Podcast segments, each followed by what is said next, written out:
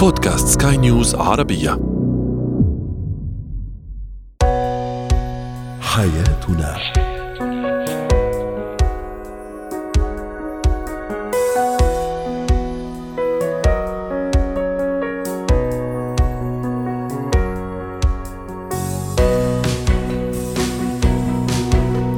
مستمعينا الكرام أهلا بكم معنا إلى حياتنا. فضاؤكم اليومي الذي يعنى بشؤون الأسرة وباقي الشؤون الحياتية الأخرى والذي يمكنكم الاستماع إليه عبر منصة سكاي نيوز عربيه dot com slash podcast وباقي منصات سكاي نيوز العربية الأخرى. شاركونا عبر رقم الواتساب 00971 561 886223 معي أنا أمال شاب. اليوم نتحدث عن كيفية تقبل عيوب الشريك.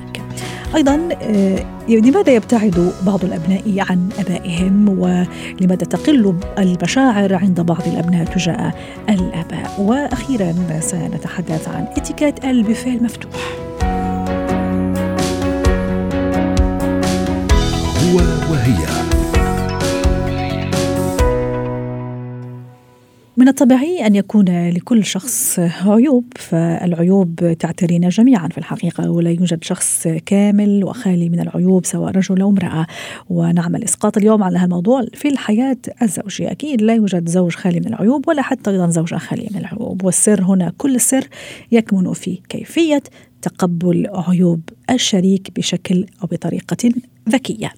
وتؤثر طبعا على الحياة الزوجية. للحديث عن هذا الموضوع رحبوا معي بدكتورة ريما بجاني الاستشارية النفسية والأسرية ضيفتنا العزيزة من بيروت. يسعد أوقاتك يا دكتورة ريما. أهلا وسهلا فيك. أكيد ما في شخص كامل منا في هالحياة.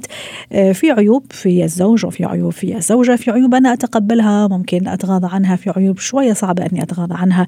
لكن في النهاية يجب أنه المركب تسير مثل ما بيقولوا والحياة الزوجية تسير. كيف أتقبل عيوب الشريك؟ اليوم وقت نحكي يمكن على علاقات في كتير أمور بنحكى. وبيكون فاتي فيها إذا بدك هيك بتأثر علينا إذا فينا نقول. وقت نحكي عن العيوب هون شوي فينا يمكن نتوسع فيها. أول شيء رح نروح على الآخر. بدنا نتأكد هل هي حقا عيوب. هلأ هون بنكون رحنا على الاناليز عم نحلل كثير الشخصيات لأنه هون أكيد بترجع للشخص. إذا بدي أرجع للنقطة الأساسية شو يعني عيوب؟ وبنظر مين؟ وليش بتأثر علينا؟ نروح شوي إذا بدك المكان التحليلي لهذا الموضوع. نحن عندنا شغلتين. أول شيء أنا اليوم ليش ما بتقبل شريكي بعيوبه أو لا؟ أو كيف بتقبل؟ تقدر نعطي الحلول بعد شوي. وهل هالعيوب أصلا يا دكتورة ريما كنت عارفتها وتقبلتها وفجأة صرت ما أتقبلها؟ كمان هذه نقطة مفصلية. كمان. هيدي number 3 number 1 رقم واحد أنا اليوم على مستوى الشخصي ما عم بقبلها أو أنا في اقبلها بس لأنه المجتمع ما ما بيقبلها so أنا كمان عم بعمل مشكلة عليها. مش هيك نحن اليوم وقت نحكي عن هذا الموضوع نروح بعمقه. متشعب ها؟ متشعب كثير. exactly نحن اليوم ما فينا نقول إنه أنا اليوم بدي أشتغل على شريكي بدون ما أكون عم فكر بأهلي بمجتمعي بكل الناس اللي حوالي شو عم بيفكروا معي. نسميها ال inconscient collectif يعني اليوم كل المجتمع بيكون قاعد معي بالبيت وهو عم بيقرر معي إذا لازم سامحه على الشغلة أو لا. صح. مشان هيك نحن اليوم نكون عم نشتغل عليها اول شيء يعني نطاق شخصي. أول شيء رح اعطيك أول حل. قبل ما أقرر أنا آه، شو هن العيوب لأنه هي كمان النقطة الأساسية إنه هن عيوب عن جد أو لا لأنه كمان c'est arbitraire relatif à la personne هيدي ترجع للشخص بحد ذاته هو يحدد شو يعني العيوب وال défaut يات. على كل حال اليوم أنا كشخص هذا الوضع عن جد عم يزعجني أو لا؟ المجتمع عم ينزعج. مش هيك مقسومة لقسمين. وهون بجاوبك على سؤالك إذا أنا كنت عرفتها أو لا. اليوم قبل الزواج في أمور تكون عم بتصير فيني يكون عم بتقبلها؟ مش لأنه أنا تغيرت بعدين لأنه statut تبعيتي موقعي إنه أنا خطيبة أو خطيب آه بعدنا بتعارف ما بت مش هي ذاتها وقت تصير زوجتي أو زوجي. اللي بيتغير هو statut هو موقعي. وهون إذا بدك بصير فيي أعرف إذا بتقبل أو لا. لأنه يلي بفوت بعلاقة مباشرة هو لو شوا. أنا شو اختيار. الاختيار وهيدا الاختيار يلي المجتمع رح يكون عم بيحسبني عليه. إذا عم نرجع على المجتمع وهون بتفوت الأزمة بصير ما بقى عم بقبل إشياء كنت اقبلها قبل لأنه أنا اليوم ما بقى عم شوفها بنفس الطريقة وبنفس المنظر. طيب إذا هذا العيب هذا الموجود في الشريك أو في الشريكة يعني يأذيني أنا أو يزعجني أنا.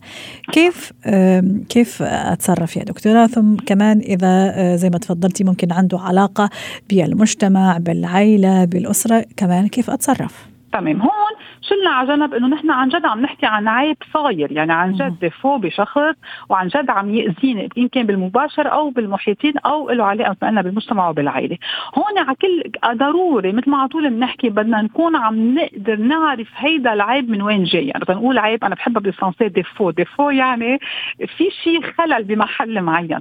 خلينا نحطها بهيدا الإطار لأنه اليوم نحن ما عم نحكي عن شغلة هيدا الشخص عم يعملها عن قصد.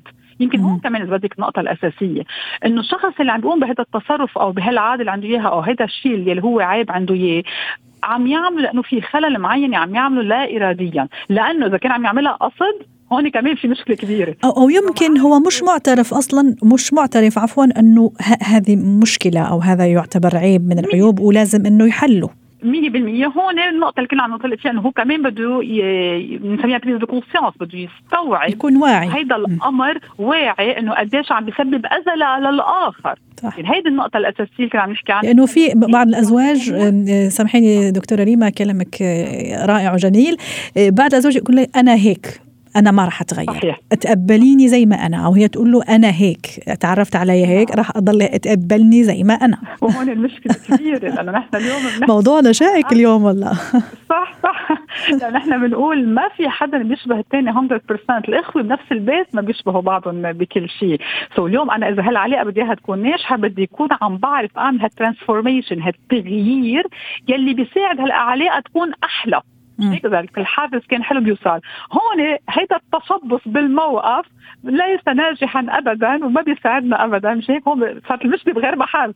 صارت المشكلة إنه ما فينا نكون بهذا التشبص وبهذا العناد بعلاقة ما بتنجح ابدا. من هيك نحن اليوم بده يستوعب وشو يعني يستوعب؟ أو يوعى شغلة إنه لو أنا ما ما عم لاقيها مأذية لهالدرجة بس شريكي عم ينأذى. أكيد بس يكون في منطق. هون خليني كمان شدد. لأن فيها ساعات ننأذي من حيلا شغلة أو يكون عيب بحيلا شغلة. سو بده يكون في منطق بالتصرف اللي عم يزعجنا أو عم نعتبره عيب. ولازم هيدا الشخص عن جد ياخذ على عاتقه إنه أنا لا أنا اليوم شريكي ما بدي يكون مزعوج لازم أعيد النظر بهذا التصرف. لو أنا ماني مقتنع 100% بس المنطق بقول هيك. يعني إحنا اليوم إذا بدك نقطة الفصل هي المنطق إنه يساعدنا نكون عم نعرف نشتغل على الموضوع. رائع. آه، في المقابل دكتورة ريما آه، في كمان عيوب بصراحة ما فينا نتقبلها أو نتعايش معاها. يعني عيوب شوية يعني ثقيله مثل ما بيقولوا. نعم. آه، في ناس بتيجي على حالها في الحقيقة وتتحمل سنة ورا سنة ورا سنة ورا سنة لغاية ما يصير الاحتراق النفسي إذا صح التعبير أو يصير الانهيار إذا صح التعبير في الشخص هو بحد ذاته ثم أكيد بشكل طبيعي سينهار أو تنهار هالأسرة. آه، ما الذي ينصح في هالحالة إذا كان في شريكي عيب صعب جدا أني أتقبله أو أتعايش معه؟ هون أكيد عم نروح للأمور النفسية الإنسانية الأخلاقية. يعني اليوم أنا عم بقدر أتخيل عيوب عم بتأثر صارت بطريقة مباشرة على نمط حياة العائله بطلت شيء بس منوط هو بالشخص إنه مرتبط بس بالشخص وما عم يأذي اللي قباله بطريقة مباشرة، هون صار الأذى مباشر، هون ضروري ما فينا نقول غير إنه يروح مباشرة لطلب مساعدة من أخصائيين، لأنه هون على الأكيد يمكن هيدي على القد بالتأكيد اللي عم نقوله كنا إنه بيكون في صار نوع من أم... بعتذر على التعبير بس نوع من أم... أنواع المرض، م. يعني إحنا اليوم بطلنا عم نقدر نطلع من شيء عم بدمرني أو عم بدمر شريكي، يعني إحنا على على level عالي بال بالأذى. هون خلص صار العيب عم بيسبب أذى. هون على الأكيد بنكون صرنا خلص بمرحلة متقدمة. أكيد نحن ما فينا نساعد حالنا ولا الشريك لازم نكون عم نطلب مساعدة لنقدر نعرف إذا رح نلاقي لها حل أو لا. هونيك القصة بتصير بعدين. شكرا لك يا دكتور ريما بتجاني الاستشارية النفسية والأسرية ضيفتنا العزيزة من بيروت. زينة الحياة. اليوم نتحدث عن قلة المشاعر عند بعض الأطفال أو الأبناء خلينا نقول مش أطفال الأبناء آه، تجاه آبائهم. ابني يبتعد عني ربما هذه بعض الشكاوى من بعض الأباء أو الأمهات. ابني يبتعد عني ابني يرفض التقيد بلقاءاتنا العائلية ابني ما يسأل عني إلا ما نادرا وأنا اللي أعمل هالمجهود لأطمن عليه وأسأل عنه وأشوف إذا محتاج شيء وما إلى ذلك. لماذا هذا الابتعاد إذا صح التعبير؟ ولماذا هذا القلة كمان إذا صح التعبير؟ التعبير في مشاعر بعض أبنائنا تجاه الآباء. للحديث عن هذا الموضوع رحبوا معي بالأستاذة همسة يونس الخبيرة التربوية. يسعد أوقاتك يا أستاذة همسة. أهلا وسهلا فيك معنا اليوم. موضوع جميل وشيق وشوية يتعب صراحة وبيحزن بعض الأباء والأمهات. أكيد ما في أب وما في أم إلا ما يحب إنه ابنه يكون على تواصل معه بيسأل عنه عرفتي كيف؟ لكن أحيانا لا في بعض الشكوى إنه ابني مثلا قليل التواصل معي ما يتواصل معي. ما يسأل عني؟ أنا عم أعمل هالمجهود. أنا المجهود يكون فقط من جهة واحدة اللي هي من جهة الأب. سألنا كان هذا سؤالنا تفاعلي في الحقيقة لماذا قلت أو تقل مشاعر عند بعض الأبناء تجاه آبائهم؟ دعيني أستعرض بعض تعليقات السادة المستمعين. تعليق يقول السوشيال ميديا وسائل التواصل الاجتماعي السبب الأول والمتهم الرئيسي في هذا الموضوع. تعليق آخر يقول نحن اللي دلعنا أبناء أبناءنا زيادة على اللزوم وهذه هي النتيجة. ما رأيك أستاذة همسة؟ حالتين. إما أننا لم نضع في رصيدنا عند أبنائنا رصيدنا العاطفي ما يكفي حتى آه، آه، نحصد ثمار هذا الرصيد أو أن آه، طبيعة ونمط شخصية الأبناء أو أحدهم أنه هو لا يستطيع ولا يعرف كيف يعبر عن مشاعره وهذا أيضا بسببنا لأنه إحنا تركناه كما هو ولم نساعده لم ندربه على اكتساب مهارات التواصل والتعبير عن المشاعر سواء كانت مشاعر سلبية أو إيجابية. وممكن أنا راح أضيف شغلة اللي كمان أشار لها أحد المستمعين اللي هو أنه إحنا كمان يعني دلعنا أو يعني دلعناهم شوي زيادة على اللزوم في بعض طبعا الحالات. الأب أو الأم هم اللي يقوموا دائما بهذا المجهود هو اللي يسأل هو اللي يتابع هو هو هو فممكن هون خلينا هالابن اتكالي بخيل بين قوسين عاطفيا. لا هذا هذا يقع أيضا ضمن الرصيد. نحن لم نضع في رصيدهم ذلك هذا الرصيد لا لا يقع ضمن الحب فقط أيضا يقع ضمن التقدير. تقدير ما أقدم أنا كأم كأب. آه هذا أيضا آه يضع ضمن آه مجهوداتنا التي يجب أن نضعها في رصيدنا لديهم. أنا يجب أن أدرب ابني على آه، آه، التقدير وعلى تبادل المشاعر. جميل. ابنائنا لا يولدوا مبرمجين على ذلك. أنت من تدربه واللي بيقول لك إحنا دلعنا أبنائنا هو الفكرة مش بالدلع الفكرة نحن عودناهم على الأخذ دون العطاء. عودناهم أن يأخذوا منا حب واهتمام دون أن يبادلونا بذلك. يعني أقل تدريب على ذلك مثلا يعني أنا مثلا ابني اللي عمره 16 سنة مش مش من النوعية اللي بيحب يعبر عن مشاعره لكن أنا دربته ما تركته اسير مشاعره صامت لا أنا مثلا طيب كيف يكون هذا التدريب؟ يا ريت تعطينا آه، أستاذة همسة آه. طريقة اللي, اللي نعم. أكيد يا أستاذة أكيد يعني كل واحد منا كأب وأم أكيد عطاؤه يكون غير مشروط ويكون غير محدود عرفتي كيف؟ أنا لما أعطي ابني أكيد ما مش بمقابل لكن زي ما تفضلت يمكن مع مرور الوقت راح أكتشف إنه لا يعني أنا أيوة. أنا الوحيد اللي عم أعطي وأنا الوحيدة اللي عم أعطي. صحيح. لذلك مثلا خليني أقول لك مثلا شو اليوم آه، ما أعطتني بوسه آه، طب آه، ما في حضن اليوم؟ مثلا جبت له شيء مثلا أو عملت أكلة حلوة؟ طيب ما تسلم ايديكي مثلا يعطيك العافية يا قمر. شوفي بطريقة التدريب إني أنا عم بعطيه سيناريوهات لتبادل الحوار الإيجابي والإحساس والتقدير لما يقدم له لكن بدون إنه أنا أمن عليه وبدون أيضا تأنيب طب انت يعني غير غير تماما يعني كأنك اليوم ما حضنتني. ليش يعني مثلا فيش تسلم إيديكي؟ أنا بعمل أنا كل شيء بعمله وبسويه وما في منكم اي تقدير ما في منكم اي كلام. لاحظي هذا أسلوب سلبي. بينفر الأبناء أكثر. لكن أنا لما أقول له بطريقة لطيفة ومرحة وإيجابية إنه إيه لو قلت لي يعني مثلا تسلم إيديك يا ماما يعني أنا بكون كثير مبسوطة. حتلاقيه ابتسم وخجل ومع التدريب بتصير فعلا عنده آه، هاي المفردات في قاموسه. وربما أستاذ همسة كمان الموضوع شوية يكون شوية صعب مع أبنائنا المراهقين. حضرتك تعرفي عندهم اللي اللي متمرد واللي شوية عنده هالانطوائية اللي عنده شوية هالانعزالية اللي لا بده كذا يصير فجأة يصير شاب أو هي تصير يعني فجأة فتى يعني راح شوية يعني متعبين بين قوسين في نعم. هالفترة واستدراجهم عاطفيا زي زي ما قلتي أيوه. إلى فعلا يعني هالمصطلح صحيح إني آه، أنا أدربهم كمان في شوية صعوبة لكن في نفس الوقت بده بده صبر يعني. بالضبط. أعطيهم وقتهم. ضروري أعطيهم وقتهم وأحترم المرحلة العمرية اللي عم بيمروا فيها لكن صدقيني بعدها حيخرجوا من هاي المرحلة آه، آه، يعني حتكوني انت وابنك بقمة السعادة لأنه خرجنا منها بسلام وخرجنا منها أيضا بالكثير من آه، الثمار اللي حتصدها لاحقا. لكن إحنا بنستعجل. ابني ما بيحكيني كلام حلو ابني ما بيكلمني ابني ما بي ما بيقدر أي شيء بقدمه بقدمه له. هو فعلا ممكن ما عم بيعبر ويمكن كمان أستاذة همسه يمكن كمان خاصة يعني في السنوات الأخيرة صرنا نشوف أولادنا وشبابنا وفتياتنا في الفترة يعني منغمسين وعندهم كثير عالمهم الخاص اللي هو ال social media ووسائل التواصل الاجتماعي وهالعالم التكنولوجي وهالثورة التكنو فصار عندهم هالعالم الخاص اللي صار يسحبهم كمان. فتصور هذا عامل مهم لازم ننتبه له كاباء وأمهات ونرجع نسحبهم مرة أخرى للعائله للدفاع العائلي زي ما تفضلتي التقدير وزي ما عم ياخذ يعطيني أيضا. نعم. بس الفكرة هنا إني أنا أغير فكرتي. ما تكون فكرتنا تجاه عالمهم الخاص فكرة سلبية أكيد طبعا طبعا. يعني آه عدونا. ولا نفكر إنه نسحبهم لا إحنا نتمازج معهم م. نتمازج معهم مع عالمهم بحيث إنه إحنا لا نفصلهم عن عالمهم ولا ينفصلوا عنا إحنا كمان. طيب استاذه همسة في الختام وكذا نصيحة ذهبية للآباء والأمهات اللي فعلا يعني عم يعانوا وعندهم هالمشكلة. أكيد هي مشكلة زي ما قلت تحس في النفس شوي لكن نعم. أكيد عندها حل بشوية صبر وشوية حكمة.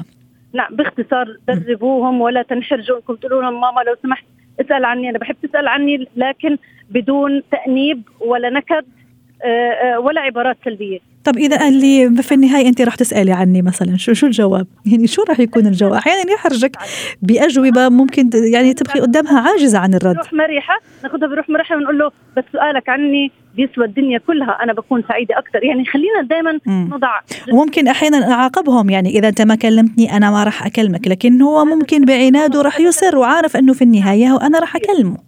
هذا تنفير وحيصبح أنا مصدر نفور بالنسبة لابني ولو عمل شيء بحب حيعمله كواجب مش من منطلق حب ودافع ذاتي. تمام. شكرا لك أستاذة همسة يونس الخبيرة النفسية والتربوية ضيفتنا العزيزة من أبو ظبي وأتمنى لك يوم سعيد.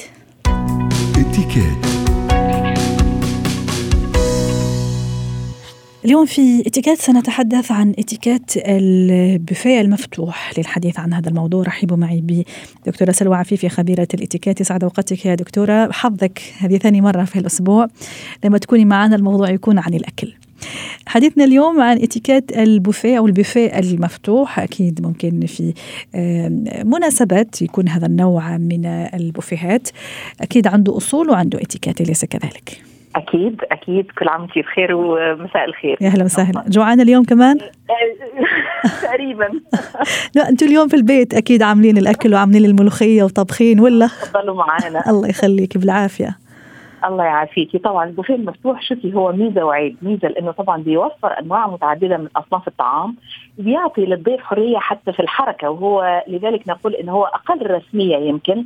رغم إنه هو بيكون فخم طبعا أكيد ومع ذلك وأيضا يعطي فرصة للناس للتعارف بين الضيوف ومع ذلك هو مغري.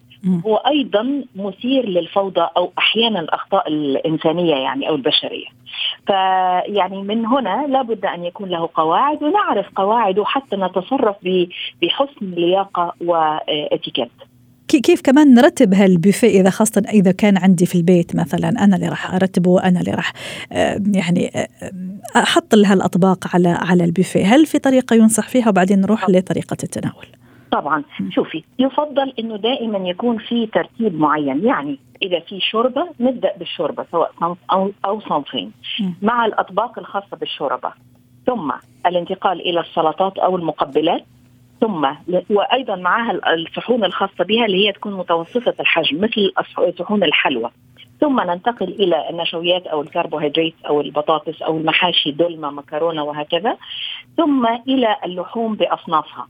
آه، عادة في البوفيهات في الفنادق يعني يحطوا دائما الثلاث أنواع يعني لحوم حمراء لحوم بيضاء ونوع من الأسماك. لابد. آه، لأنه كل شخص ممكن يكون اختياراته مختلفة. آه، هل في البيت نستطيع أن ننوع هذه التنوعات؟ أحيانا دائما نحط لحوم ونحط أيضا لحوم بيضاء يمكن السمك جرى العرف إنه بتكون له اكله أو يوم مخصوص داخل البيوت آه فإذا مشينا بهذا النظام ثم في النهاية يكون في الحلوى أعتقد إنه لو إحنا رتبنا البوفيه بنفس هذا الستاندرد أو المعايير ونفس الشيء الضيوف هم ماشيين على نفس القواعد هنا نحن نلتقي. يعني عارفة؟ التقينا أصبح ما فيش توقعات مختلفة أو لخبطة في هذه الأمور. جميل. أنا دائما أنصح إنه يا ريت يكون في فصل. بمعنى لو أنا حتى في البيت عندي اثنين بوفيه مثلا يعني الطاولات اللي أحط عليها لو عملت فاصل بين السلطة مثلا أو الشوربة أو المين ديش أو الوجبة الرئيسية أعتقد أنا بسهل على الناس حتى إنه يمكن بعض الناس مش بالضرورة إنه يحب ياخذ السلطة والمقبلات وبعدين يدخل على الطبق الرئيسي. فهنا أنا بقلل الازدحام إنه لازم نلتزم بالطابور أو باللاين أيوه. بداية. على سيرة الازدحام أيضا دكتورة سلوى في بعض السلوكيات اللي ممكن نشوفها تتكرر في بعض البوفيهات إذا صح التعبير اللي ممكن آه، واحد يحاول يتخطى ثاني في خط السير مثلا آه، لما يكون الطابور في الطابور مثلا عدم التزامه بالطابور. في كمان يا ريت تشرحي لنا أو هل هذا صحيح في الاتيكيت ممكن أكون أنا وزوجي أو أنا وصديقتي عم نتناول هالصحون. ممكن أنا أناول الصحن لصديقتي اللي مباشرة هي بعدي ورايا وممكن زوجي يعطيني هالصحن. فهل هذا صحيح ولا لا؟ كل واحد مفروض يحمل صحنه بإيده يعني قصدي وهو فاضي وهو فارغ الصحن. لا بالعكس هو إذا أنا مثلا تقدمت أنا في البداية وبعدين زوجي يليني أو صديقتي لا مانع ان أقول تفضلي الصحن فقط لا يعني وإحنا واقفين في أماكننا. بس لازم نلتزم بالطابور لازم نلتزم بالدور ولازم نترك مسافة أيضا. يعني الصحون لا تت يعني لا لا أخبط أو المس الشخص اللي اللي أمامي يعني. إزاي؟ لازم أترك مسافة. ولا مانع من إنه أقول تفضل ممكن يكون في حوار بسيط مثلا حتى لو بنتعرف على أشخاص آخرين بس مش لدرجة إنه نعطل سير اللاين أو الخط لازم نعم. دكتورة سلوى ومن بين الأشياء كمان اللي تعطل السير أني يعني أتأخر بين قوسين أني مثلا أشوف الأنواع السلطات وأفكر أخذ السلطة الفلانية ولا السلطة فممكن كمان هذا يعمل تأخير الناس اللي ورايا ويستنوا كمان في الدور يعني أو الطابور. طبعا. خلينا نقول لحضرتك انت متقدمة قدامي. مم. أنا لازم عيني تيجي على أنا حابة آخد إيه وأكون سريعة القرار. وانس إنه دوري وصل على طول اغرف من الشيء اللي أنا حبيت إني آخد منه. مم. مش أقعد أفكر طب آخد القطعة دي ولا آخد القطعة دي طب آخد كذا ولا كذا. ودائما نحط قطع بسيطة لأنه الاختيارات كثيرة. صح. وغير مسموح إنه نحط شيء فوق شيء. هذا اللي كنت راح أسأله كمان اللي هو لب الموضوع اليوم.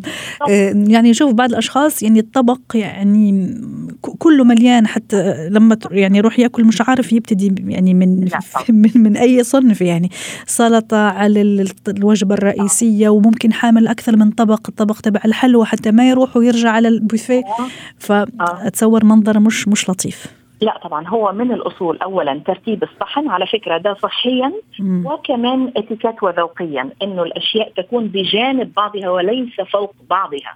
يعني إذا في خضار إذا في رز مش أحطه فوق بعضه لا كل شيء على جنب هذا شيء.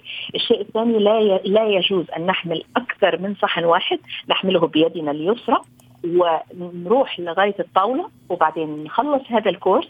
وبعدين نرجع مرة ثانية نقف ونأخذ الكورس الآخر. دي عارفة لو كلنا مشينا بنفس النظام هيحصل فيه تزاحم. بس هو التزاحم بيحصل لأنه الأخطاء اللي إحنا يلا خلينا نلحق وناخذ اخذ الحلوى مع الرز مع الخبز أو صح. مع الشوربة أو ممكن أجيب صحن آخر لزوجتي ولابني ولبنتي اللي جالسين على الطاولة. يعني منظر مش مش مش لطيف ابدا. دكتورة سلوى إذا مثلا أنا خلصت خلينا نقول صنف معين خلينا نقول مثلا سلطة وخلصتها وحابه أزيد هل كمان لأنه البوفيه معمول لأنه مفتوح هل عادي إني أرجع مرة أخرى للطابور وأغرف مثلا من الصنف اللي, اللي عجبني؟ روحي 100 مرة. أوكي. مسموح. نعم. لا هما مرتين بس 100 مرة كثير بقول مفتوح يعني. إيه. هو مفتوح لأنه ممكن الشخص يروح أكثر من مرة ولكن اتركي الصحن اللي هو يعني انتهى الأكل منه خلاص.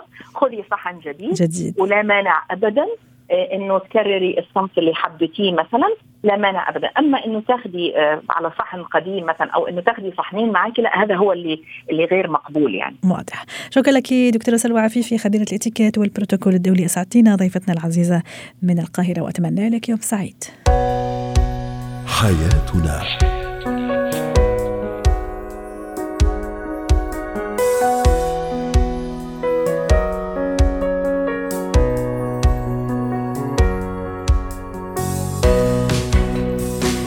نختم حلقة اليوم من حياتنا. شكرا لكم وإلى اللقاء.